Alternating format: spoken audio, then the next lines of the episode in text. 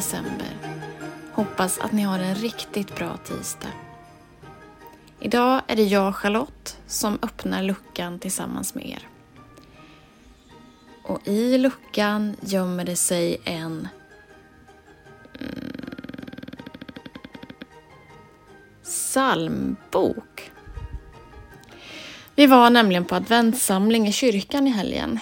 Vi hade bestämt oss för att vi skulle gå tillsammans med några vänner och när vi mötte dem så sa en av dem Vad fin du är i håret. Man kan inte på något sätt tro att den där frisyren inte är gjord med avsikt. De orden betydde så mycket och jag förklarade för henne att jag hade gråten rakt upp i gomseglet hela tiden på grund av att det var första gången jag varit ute bland folk utan peruk eller mössa. Min son frågade varför jag inte hade på mig mössa då, om det nu gjorde mig så ledsen. Och jag svarade att jag måste få vara den jag är. Det är något vackert över att samlas så där framför en barnkör. Alla vi, lika som olika. Alla vi som står där rakryggade och med taffliga stämmor som spricker i de högsta tonerna av Hosianna, Davids son. Vi bär olika ryggsäckar med oss dit. Någon stretar på med att samla in pengar till sin syster som fått en obotlig sjukdom och behöver vård utomlands. En annan med orimliga krav från svärföräldrarna. En tredje med att skapa en dräglig vardag för sitt barn som inte längre orkar vara i skolan. En annan går mot sin första jul som skild. Någon har aldrig blivit kysst.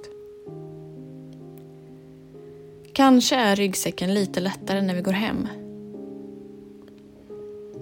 Idag tänker jag på dem som föder sitt lilla, lilla, lilla, lilla, alldeles perfekta barn.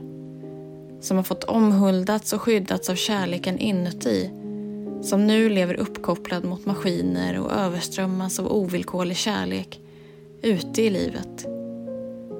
Jag tänker på dem som för sin inre syn tvingas se en liten, liten, liten, liten kista. Men som snabbt slår bort tanken.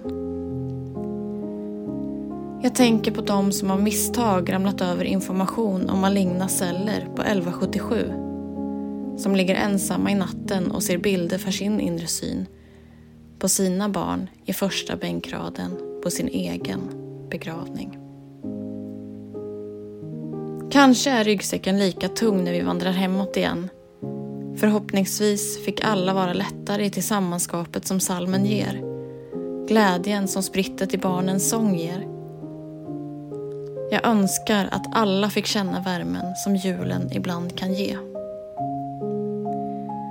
Och du, försök att göra någonting för dig själv idag. God jul!